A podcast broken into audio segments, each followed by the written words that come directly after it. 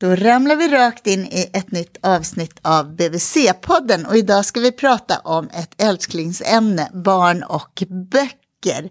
Jag heter Malin Bergström, jag är barnhälsovårdspsykolog i Stockholm och med mig har jag Therese Flodqvist från Stockholms stadsbibliotek. Hej Therese! Hej! Vad jobbar du med? Jag jobbar på något som heter Rörliga biblioteket som är eh, en slags stödfunktion kan man säga till Stockholms stadsbibliotek. Vi är ute och har pop-up-bibliotek över hela stan året runt. Och dyker upp lite varstans i stan där, där, i, där biblioteket inte finns. Och så jobbar vi mot att nå de som kanske inte besöker biblioteket och få dem att hitta till biblioteket. Vilka, om man tänker småbarnsperspektivet, vilka är det som är småbarnsföräldrar generellt flitiga biblioteksbesökare? Jag tror det. Vi brukar säga det, att man är på biblioteket när man får barn och när man har små barn. Och sen så kanske man kommer tillbaka när man är i 20-årsåldern och pluggar. Och sen så är det, tappar vi många efter det. Så att småbarnsföräldrar och barn är ju en jättestor och prioriterad grupp på biblioteket. Är du barnbibliotekarie? Nej, man, många tror det. Jag jobbar mycket mot barn och när jag jobbat på Medborgarplatsens bibliotek till exempel, där jag jobbade tidigare, så jobbar jag på barnavdelningen. Men man kan liksom inte bli barnbibliotekarie, utan man blir bibliotekarie och sen så hamnar man liksom på olika, ja, där man passar. Jag är ju förskollärare från början också, så det var, blev naturligt att jag hamnade där. Jaha, vad, mm. var det, vad var det som gjorde att du ville bli det? Bibliotekarie? Ja. Eh, jag gick på lärarhögskolan och pluggade till förskollärare.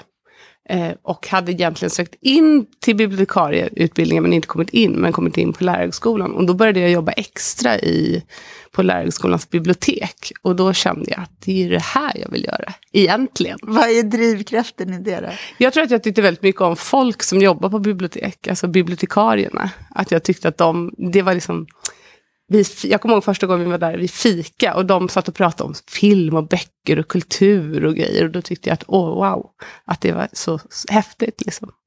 Och nu är du på pop-up. Nu ja, det är något helt annat. Ja.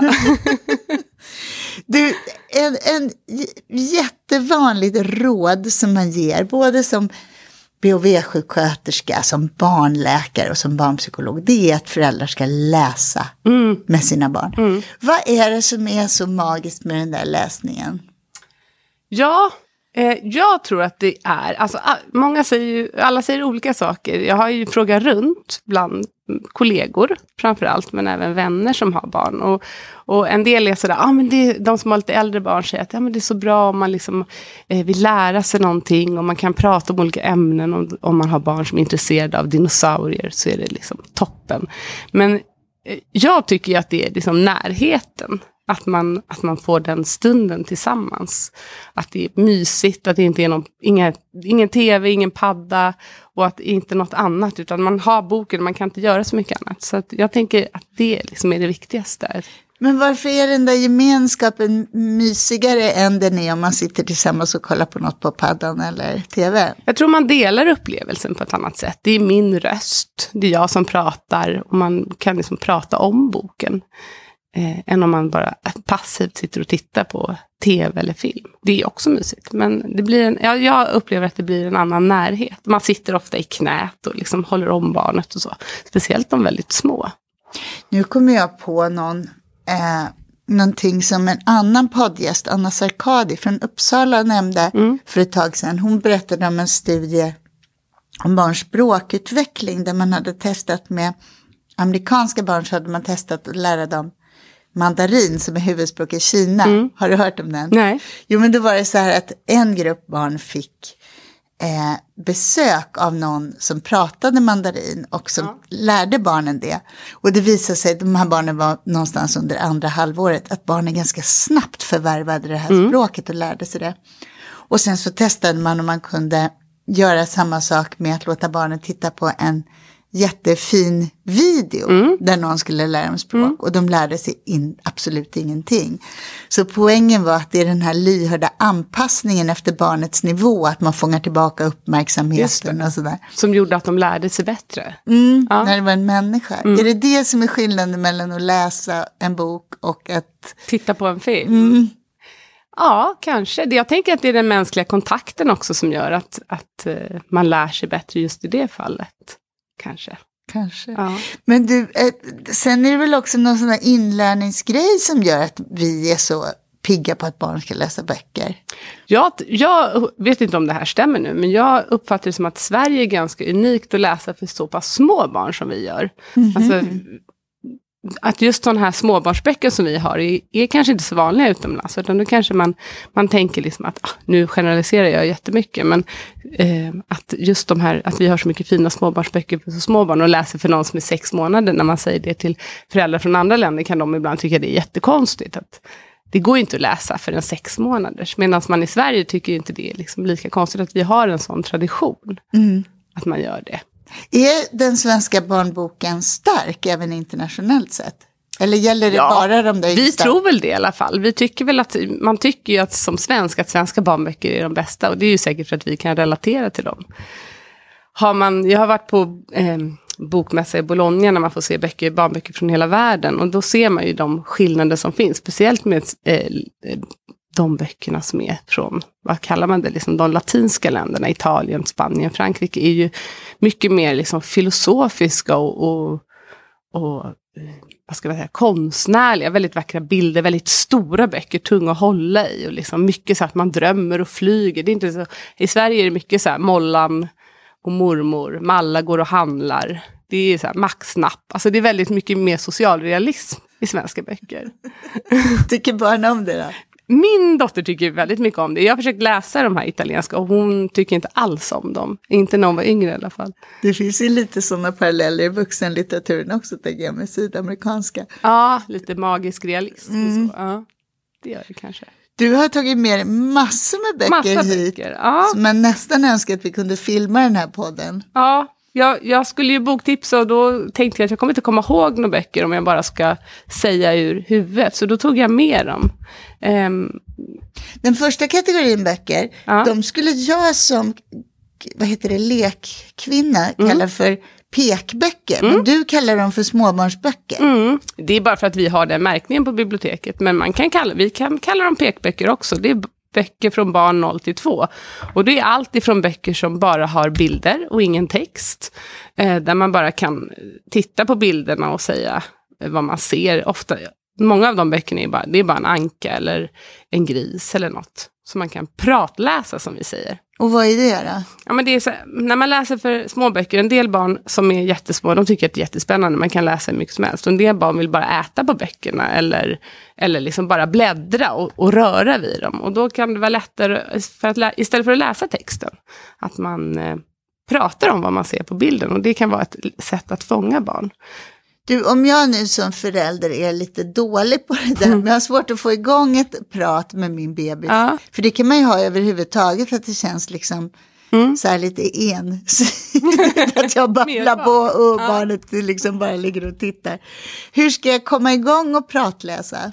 Alltså jag brukar säga till föräldrar, för en del kommer till mig och säger så här, ah, men min första unge liksom älskade när jag läste, men den här är helt ointresserad. Och då kanske jag lite tråkigt säger att man ska se på läsning lite som tandborstning kanske. Att man ska liksom öva lite varje dag, att det är något som man vänjer sig vid. Och en del kanske har, barn har kanske svårare att komma igång och intressera sig för läsning, men tycker ändå inte att man ska ge upp. Utan att man, det är okej. Speciellt på biblioteksböcker är det helt okej om barnen biter på böckerna. Och river i dem och lämnar tillbaka dem trasiga. Det är många föräldrar rädda för att man inte tror att man får det. Men vi vill hellre ha tillbaka en tuggad bok än en oläst bok. Åh, vad fint. Tycker jag. Så det, det är liksom en förbrukningsvara på bibblan, de här småbarnsböckerna. Det vill jag ha som rubrik på den här podden. Vi vill hellre ha en tuggad bok än en oläst. Men du, om jag som förälder, om jag har en unge som ja, inte verkar tända riktigt på böcker Nej. och jag känner själv att här sitter jag och tittar i en bok som heter Kika genom hålet, färger, som är extremt lockande för ett litet barn. Mm. För den är blank och glansig och det är hål och fina mönster. Ja. Hur ska jag komma igång då som vuxen? Har Om du du, om du själv tycker att det är tråkigt eller att du själv Ja, känner att jag "Vad känner så här, vad ska jag hitta på att säga om de här bladen på den här sidan eller de här ankorna? Men jag tror man ska tänka som med böcker för vuxna, att det finns otroligt mycket småbarnsböcker. Och det gäller att hitta en som du också tycker är kul, och inte du och ditt barn. Så att man inte liksom bara att ha en bok och bara, nej, mitt barn var inte intresserad och det här tyckte jag var tråkigt. Utan fortsätt leta liksom. Till slut hittar man, de här eh, tycker jag är bra, som är skrivna av Katarina Krusvall. Hon har tagit kända gamla barnsånger, svenska barnsånger, och så har hon gjort dem med illustrationer. Bläddra lite Och då kan du sjunga boken istället. Jaha. Och då sjunger du Imse vimse spindel, klättrar upp för tråden. Så på varje sida så är det en bild på en spindel som klättrar upp för en tråd. Ner faller regnet. Nu sjunger inte jag, för jag sjunger inget bra, men det ska man ju såklart göra. Och om man inte då tycker det är kul som barn och vuxen att läsa, kanske sjunga är ju lättare att fånga barn med. Mm. Så då tycker jag sådana sångböcker är en jättebra eh, ingång. Och det här brukar man få med de flesta barn på, de här sångböckerna. Det finns hur många som helst. Och nu lagom till jul finns det alla eh, pepparkaksgubbarna och sockerbagaren och alla julsånger också kan man låna och sjunga. Och det här är en liten bok som ett barn kan hålla i och en eh, ganska eh, så här, kartong. Så Ja, lätt hård att bläddra. kartong man, som man kan både bita och riva i. De går inte att riva sönder, så de är jättebra. Och det jag tänker, för det, dels behöver jag hitta något som jag själv kan komma igång med. Mm. Men sen är det väl också så att om jag märker att mitt barn faller för, här har vi någon som heter Toto Titut som är också små hål i sidorna. och då kan man sticka in barn fingrarna. När barnen själva kan pilla in sina fingrar och röra vid saker. Vi har ju mycket taktila böcker. Det finns ju också en hylla som heter Äppelhyllan på biblioteket som är för barn med funktionsvariationer och för vuxna och pedagoger också. Och där finns det mycket taktila böcker. Det har vi bland småbarnsböckerna också. Då kan det vara med päls på eller lite glitter eller något man känner på. Liksom. Och det kan vara kul för barn som kanske inte vill läsa en bok från pärm till pärm. Att bara få känna på saker. För jag tänker att när man, om barnet går igång och blir Mm. intresserad, då kommer jag ju tycka att det är roligt. För att det känns så. Det tror man får jag. så mycket tillbaka. Ja, av det tror jag. Om det blir ett liksom, utbyte. Sen sa du till mig att, för jag tycker att det här är pekböcker, det här ser jag. När ska man börja läsa pekböcker för barn? Är det vid ett halv? När de föds? Nej. ja, för de, jag började läsa för min dotter när hon var kanske tre, fyra månader.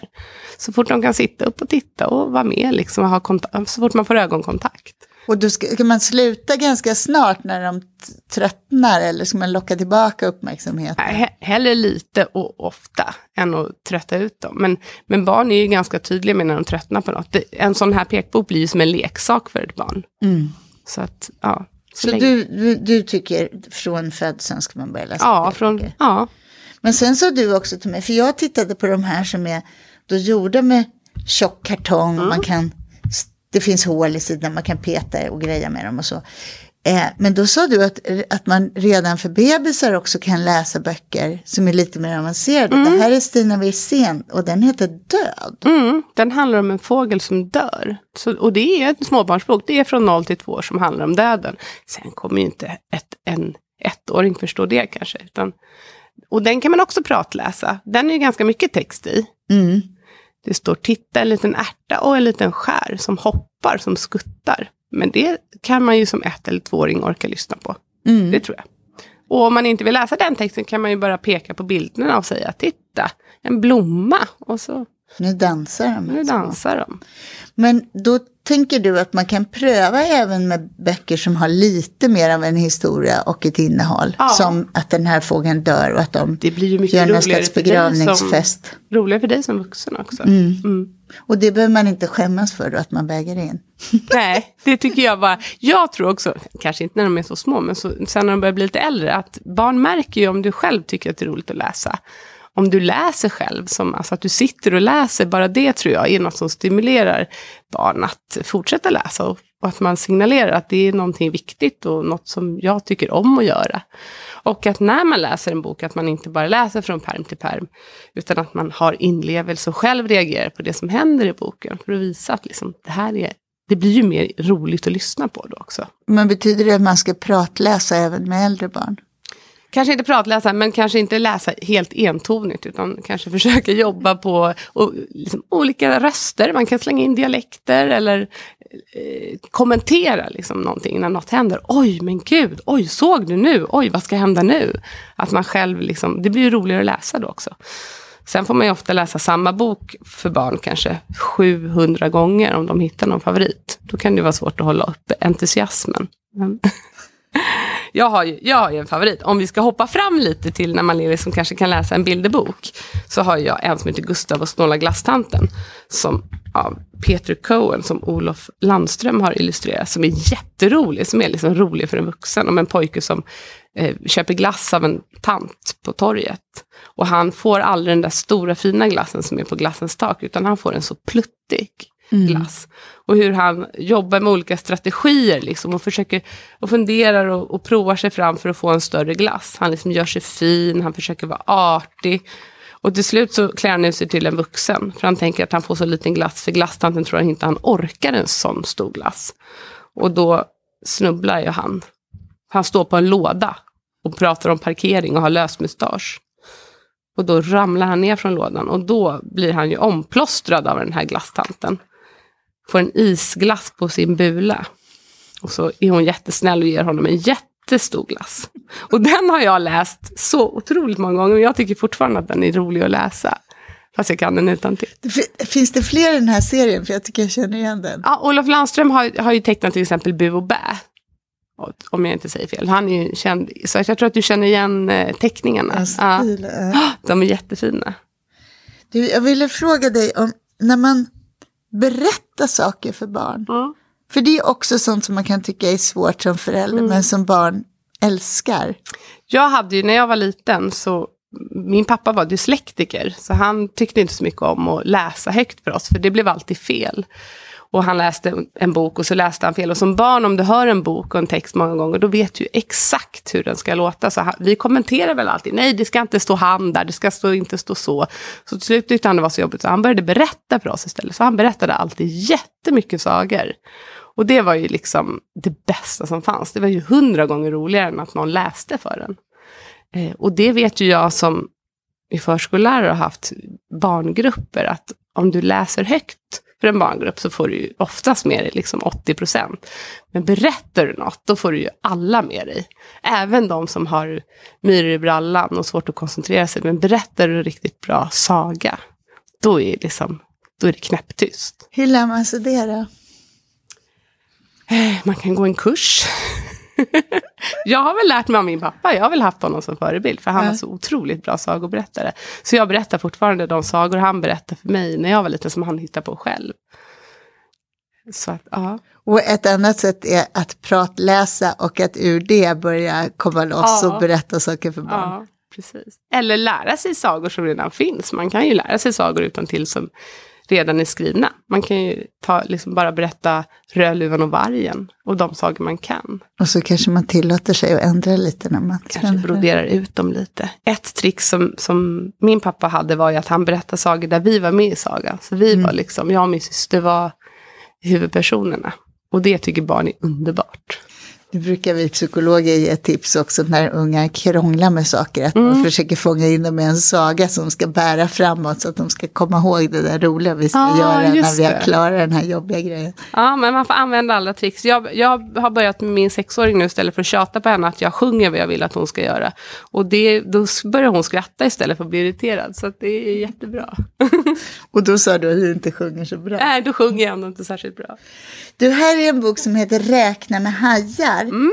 Som är en jättestor val, två tropiska zebrahajar och så vidare. Vad tycker du om den här typen av böcker som ganska tydligt vill lära barn någonting, det vill säga räkna till mm. fem i det här fallet? Det tycker jag är roligt. Det tycker barn om. Mm. De älskar ju sånt och kunna och visa vad de kan. Det här är ju också en småbarnsbok. Det här är ju för väldigt små barn, eh, 0 till 2. Eh, och barn tycker väl alltid att det är roligt att kunna visa, titta jag kan... Det är också något man kan göra tillsammans. Det här är ju verkligen något du kan prat, pratläsa, för då kan man ju, liksom, det är en uppgift på varje sida. Hur många zebrahajar ser du? Då kan de säga en, två, ja. Så det blir något där de blir aktiva, de här böckerna. Där barnen själva får vara med och, och vara aktiva. Det tycker vi barn är roligt eh, hur långt upp som helst, tänker jag. Men det betyder att redan från de här allra, allra minst, böckerna för de allra, allra minsta, Mm. så finns det lite olika kategorier. Det finns den här med färger, där man lär sig olika färger eller pratar om det, och den här räkna Mm. på olika sätt. Och sen finns det också då de som redan för så här små barn antingen är en sång eller en ramsa eller som handlar om ett ämne som är lite mer En hel story liksom, Ja. är ju den där Död av Stina Wirsén. Ja.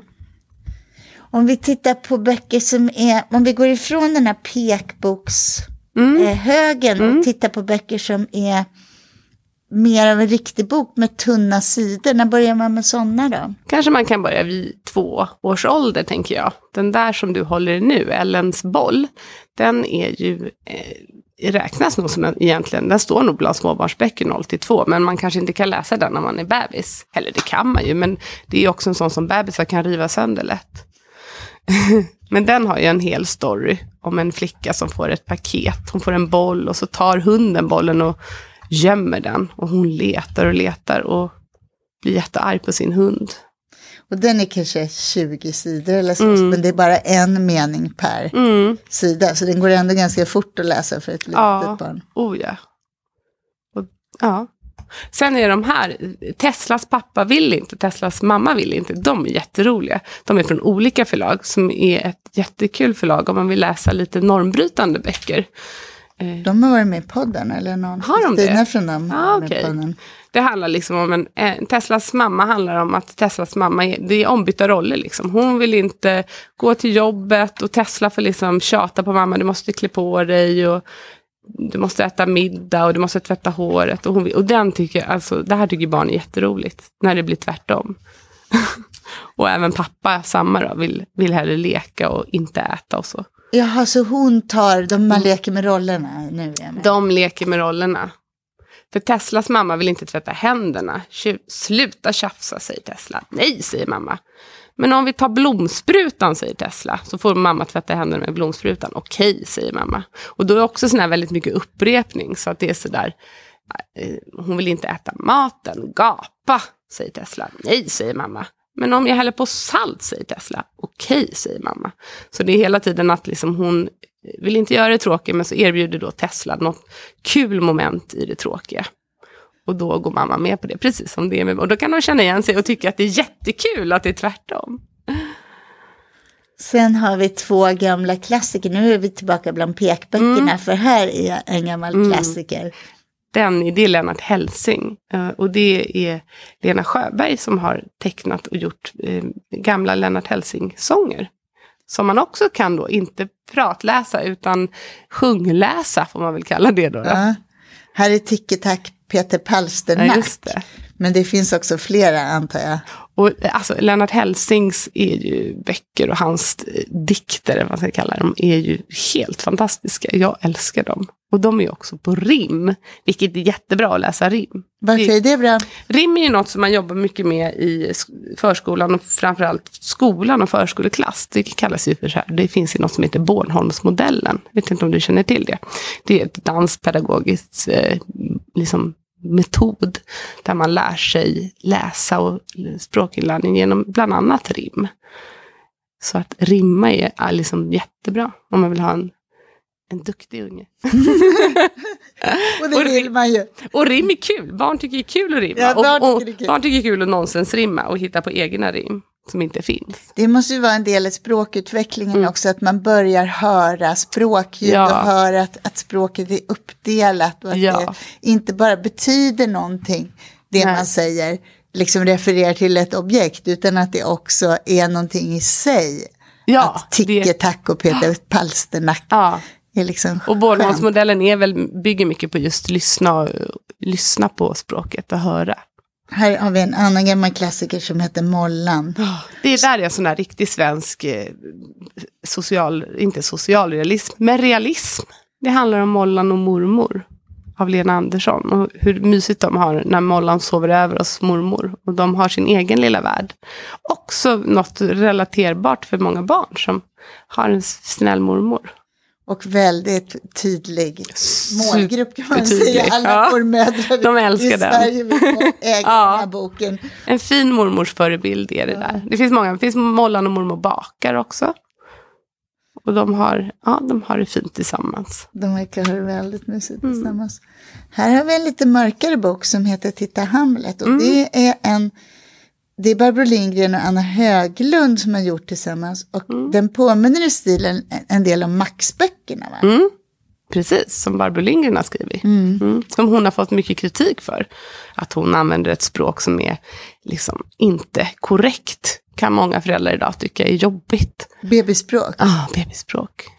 Vilket de tror att, många föräldrar tror att läser man böcker som i bebisspråk och fel svenska så lär man barnen fel. Men det behöver man inte oroa sig för. Men det är ju tvärtom. Ja. Det, det här bebisspråket är ju ett anpassat efter vad bebisar kan förstå. Precis. Så det brukar jag alltid tänka att det ska man verkligen Ja, bejaka. ja. Men många, många unga föräldrar idag kan, har, som jag har träffat på biblioteket kan uppleva det som, ja, det, det vill inte de läsa för sina barn, att de kan vara lite rädda för det. Men det ska man ju inte vara. Det ska man inte Nej. vara. Här står det, titta Hamlet. Hamlet inte glad. Hamlets mamma dum. Hamlets pappa död. Det är väldigt många som dör i Hamlet Mm. förstår man. För det här är en liten, vad heter det, kortversion Ja, av en Hamlet. 20 sammanfattning av. Hamlet. Ja, alla dör och de svärdar varandra och det är blod och den är ganska mörk. Vad säger du om mörka böcker och där folk svärdar ihjäl varandra och döden? Ja, men det, jag tycker inte att man ska rygga för det. Och Jag tror inte, den där boken är ju en småbarnsbok för ett litet barn 0 till 2. Jag tror inte att det är någon som tar skada av det. Men när man blir äldre och när man börjar få kanske ja, vad- fyra, fem, sex, när man börjar tänka på döden och kanske någon man känner dör, mormor dör eller föräldrar skiljer sig eller så, någon är svårt sjuk, så finns ju det massor med stöd att få i, i skönlitterära böcker för barn. Som kanske inte, ja, som handlar just om sådana svåra saker. Och det sa du att ni har en särskild hylla på biblioteket Ja, för. vi har en hylla på Medborgarplatsens bibliotek där jag jobbar och jag tror på de flesta bibliotek i Stockholm och andra bibliotek. att Vi har en hylla som heter Livet och döden och där ställer vi de böcker som är existentiella kan man säga. Och det kan handla om ganska svåra saker. Det kan handla om övergrepp och det kan handla om misshandel eh, och ja, att folk dör och flykt, barn på flykt. Vad har jag med mig mer? Ja, det är de som vi har. Eh, och de kommer folk ofta in och lånar vid när det liksom ett behov uppstår. Men sådana böcker kan man ju läsa ändå. Kanske inte om övergrepp, men om döden och så. För det är ju något som kommer i 5-6 års åldern. Att man börjar tänka på det, man börjar förstå att man själv ska dö. Att andra ska dö, att de som är gamla, mor och farföräldrar, kommer gå bort. Och det är också ett sätt, jag tänker på, jag håller fortfarande i Hamlet här, Mm. titta Hamlet, att när de svärdar varandra här så tänker jag att man inte direkt uppmanar svärdlekar utan att det snarare är ett sätt för barn att få upptäcka och börja fundera kring sådana här svåra saker tillsammans med någon. Mm. För när man läser om att Ofelias bror svärdar Hamlet så gör man ju det tillsammans med någon vuxen som Mm. läser den här. Och då f- får man ett första möte med sådana läskiga saker när Mm. man kan prata om det och Precis. någon kan sitta och mildra som märker Ja. att jag reagerar. Och så. Och där är igen skillnad mellan bok och film. Att, att se sådana läskiga saker på film, där man kanske inte kan förstå eller bearbeta. Och det är många intryck på en gång. Kanske inte liksom alltid är så lyckat. Men i en bok så är det en bild och en text i taget. Och det är lite lugnare takt, så att säga. Jag tänker också, man kan tänka på det som en, hur bra det är att sitta tillsammans och kolla på filmer också. Absolut. Det ska man göra. Och den där är fin. Allt det här av Ulf Stark. Den är också på rim och den är liksom väldigt poetisk. Nu vill vi nästan ha en tyst minut för Ulf Stark som har dött. Vilken, Ja. Vilket geni. Vilket geni. Ja. Himlen och en sol högst upp. Regn som faller och en tupp. Det här är en bok med väldigt starka färger och tydliga figurer. Och Den är väldigt, den heter allt det här, det är liksom hela universum kan man säga. Och den här boken måste ju vara ett bra, en bra bok för föräldrar som har svårt att läsa. Därför här är det så det rimmar och det är Mm. ett väldigt fint språk. Det är, ett jättefint, det, det är underbart att läsa den, för man mår bra av att läsa den. Och det är jättemycket att titta på, mycket bilder. Så den där är, det är ett toppentips. Mm.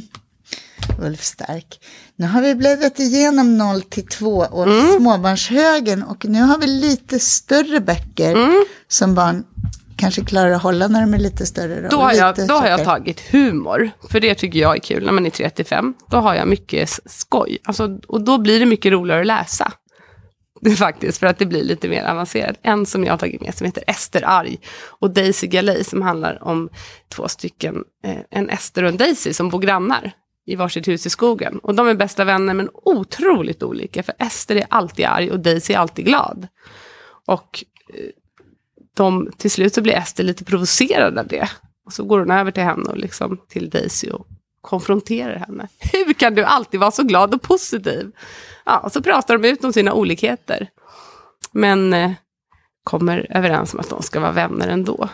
Den är fin. Och Ester är ju Daisy Galej, den har betydligt mer text Ja. än småbarnsböckerna. Oh ja, så att ja. vi t- från tre år så kan det vara då kanske till och med fem meningar på en sida. Inte riktigt kanske, men nästan. Och nu har jag tagit med bilderböcker som är liksom för de yngsta. För att det också, kan ju också vara ett problem om man kommer in på ett bibliotek och ska låna böcker. Då står alla bilderböcker i, i, liksom tillsammans. Och då kan det vara som den här Ester Arg som man kan läsa för en treåring med inte så mycket text. Och sen kan det vara bilderböcker som Petson och Findus och som är, liksom, tar jättelång tid att läsa. Och där det är långa, långa Eh, texter. Så det man behöver hitta om man ska börja läsa bilderböcker och har kanske en treåring, det är de här med lite kort text. Bodils kalas är en annan. Som är så fina bilder och relaterbart och inte så mycket text. Och rolig. Mm. Rolig för vuxna. och mycket barn som är arga på olika Ja. saker. Och sen kommer Barbro Lindgren igen med Nämen Benny som också är fantastiskt rolig. Det är också en riktig Och- klassiker. Olof Landström, han som har tecknat eh, Gustav och Stora Glasstanten. Så underbara bilder, underbart minspel från eh, grisen Benny. Benny är en liten gris. Ja. Han råkar ut, han rymmer och liksom råkar ut för en massa tokigheter. Det kommer också en typisk svensk bok, det har jag nog mest, som heter eh, Alla tre inne på förskolan Ärtan. Det är också väldigt fina bilder. Om, det finns en hel serie, det finns flera om dem. Det handlar om tre barn som går på förskolan Ärtan. Som heter Ester, Idde och Valle. Och de hittar på en massa Ja, och där finns det också mycket att prata om. mycket att prata om. Och Väldigt mycket, förskola som barn går på. Då kan man liksom ja, tänka hur det är på sin egen förskola och prata om det. Då kan man prata om hur det är på förskolan. Så att man ska också se lässtunden som ett litet, en liten chans att få igång ett samtal. Man ska inte säga åt ungar att vara tysta så man får läsa klart. Utan man ska... Nej, sen, en del barn de sitter ju tyst och lyssnar när man läser. Och en del vill ju liksom lägga sig i och prata hela tiden. Och det kan ju vara lite, en liten utmaning när man är sådär, men nu ska vi läsa den här boken. Och man har en agenda att man ska avsluta boken. Men det kan ju, ja, pratar man om någonting, få igång ett samtal så är väl det jättebra. Då Men böckerna om alla tre, de kan man, de är från tre år också. Det Absolut. ut som. Ja, det är inte så mycket. till. Alla de jag har är för ganska små. Nu ska jag bara säga det att det låter ju så dumt när man pratar om vad barn ska tycka om i olika åldrar. Barn är ju förstås lika olika som vi. Självklart. Alla 45-åringar kanske inte älskar Elena Ferrante just nu. Men man kan ju ändå ha någon slags riktmärke så kan man Ja. börja, får man pröva sig fram Ja. utifrån det. Om man ska gå neråt eller uppåt i antal Ja. ord. Och, Ja. Men ja, jag har så mycket, vi kan kanske inte gå igenom alla böcker. Vi får göra en liten... eh, vi bläddrar vidare. Språkligt. Här har du valt en bok som heter Hej och hå, kläder på. Ja, den är ju jättefina bilder och på rim.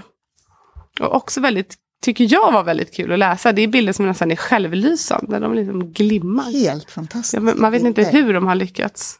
Otroligt fina. Men den handlar om att man ska klä på sig. Tre, tre små, små barn, syskon, som ska klä på sig och gå ut och leka i snön. Och det är ett himla sjå. Och pappa får hjälpa till. Det känner man igen. Ja.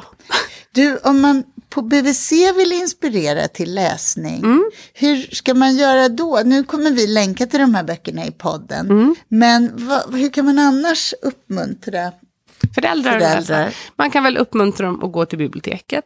Det är ju en bra idé. Många bibliotek, vi har ju mycket sådana aktiviteter för föräldralediga, så rim och ramsor och sångstunder och sånt. Som även finns på öppna förskolor, men på biblioteken är de kanske lite mindre grupper, lite lugnare så, för de allra minsta. Så man kan komma från typ fyra månader på det. Och en del föräldragrupper kommer också till biblioteket. Ja, vi tar emot föräldragrupper också som BVC skickar. Och tipsar om böcker. Ja, då får man också en bok. Mm -hmm. Knacka på får man då, som jättekänd sån här babybok. Vad skulle jag säga? Eh, men om man vill hålla sig uppdaterad kring barnböcker då? Ja, Hur gör man då? Det finns ju, det finns ju bloggar man kan följa. Nu har ju inte jag några på rak arm, men det finns massa sådana barnboks på Instagram och sånt som man kan följa, där de lägger upp aktuella boktips. Det, den använder jag som lite boktipsar eh, att följa. Men, men, biblioteket har ingen sån tjänst? Alltså, jag tänker just små, småbarnsböcker har vi nog inte det. Eh, vi har ju liksom något som heter Läslusten, men det är mer för tonåringar ungdomsböcker. Men man kan ju få enormt mycket boktips på biblioteken om man kommer in. Så mm. du ser ju bara hur mycket jag tar med mig. Ja. Så det är ju bara att gå in så kan man liksom få hur mycket som helst. Är det någon mer som du vill berätta om? Ja, jag tog också med den här, Ebbe och ägget. Eh, som handlar om en pojke som har, eh, han har ett ägg under sängen. Men det, hans, för hans mamma har en bebis i magen. Och hon har åkt till Danmark och skaffat barn på egen hand när hon har fått Ebbe. Så den tog jag med som i den här högen om döden och sånt. Om man vill prata om man till exempel skaffat barn på egen hand.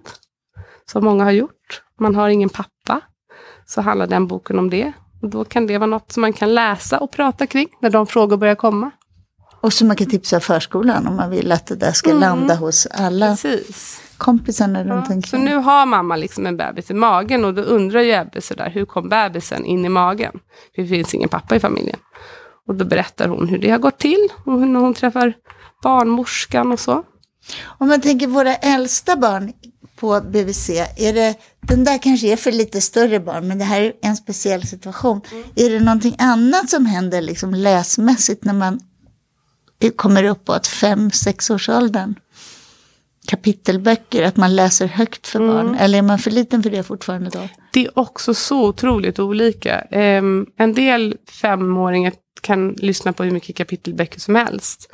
Och en del vill fortfarande läsa bilderböcker, fast man är liksom sex år och vill ha en färgbild på varje sida för att liksom inte tappa intresset. Men, men man säger, vi säger på biblioteket att liksom kapitelböckerna är från typ sex år. Så man kan ju börja med de lite enklare. Man får pröva sig fram. Mm.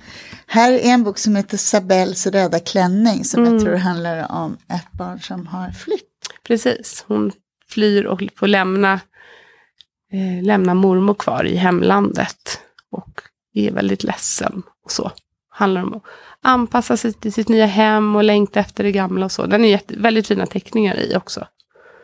Och på sista sidan ser hon ganska glad ut. Ja, då, blir det, då blir hon, hittar hon kompisar tror jag. Börjar acceptera liksom vart hon är. Den är jättefin. Men, men um, ja, ska se vad mer jag tänkte på. Liksom, om man inte ska tänka på det här bara att det, som jag tycker är viktigt med läsning, att det är en um, anknytning tidigt och man sitter i knät och det är mysigt och sådär. Närhet och lugn och ro och lite avkoppling både för barn och vuxna. Så är det ju som du precis har sagt att det är ju väldigt viktigt i språkinlärningen. Att man läser. Och att man blir en bättre läsare om man får högläsning tidig, i tidig ålder. Att det är ju också ett argument för att börja läsa och få en, en läsvana. Och då handlar det om att man till exempel introducerar ett annat språk än det som är mitt vardagsspråk som barnet får på annat sätt när jag läser för ja, barn? Eller? Ja, för när du läser, för det första så stöter du på ord som du inte använder när du i vanligt dagligt tal, utan kanske ganska svåra ord som man kanske frågar vad betyder det? Så blir ju, bygger ju upp liksom ett större ordförråd för barnen. Och när du läser något så, så läser du mycket långsammare än när du pratar. Så barnen hinner ju liksom ta in orden på ett annat sätt för att det går inte lika fort. Mm. Och har du, är du dessutom tvåspråkig så är det ju jättebra att få liksom båda språken i sig. Att man blir bättre på svenska om man får lära sig sitt eget språk också ordentligt. För det tror ju också många sådär att Nej men vi ska bara läsa på svenska och vi ska, in, vi ska inte läsa på arabiska nu för nu bor vi i Sverige och nu ska liksom. Men, men får man högläsning också på arabiska blir man bättre på svenska. Så det ena, det föder varandra liksom. Och om jag vill läsa för mitt barn på något annat språk än svenska, finns det böcker på biblioteket då? Ja, det finns böcker på alla språk. Vi, mm. har, vi har ju något som... Alltså, för det första har alla bibliotek böcker på massa olika språk, barnböcker.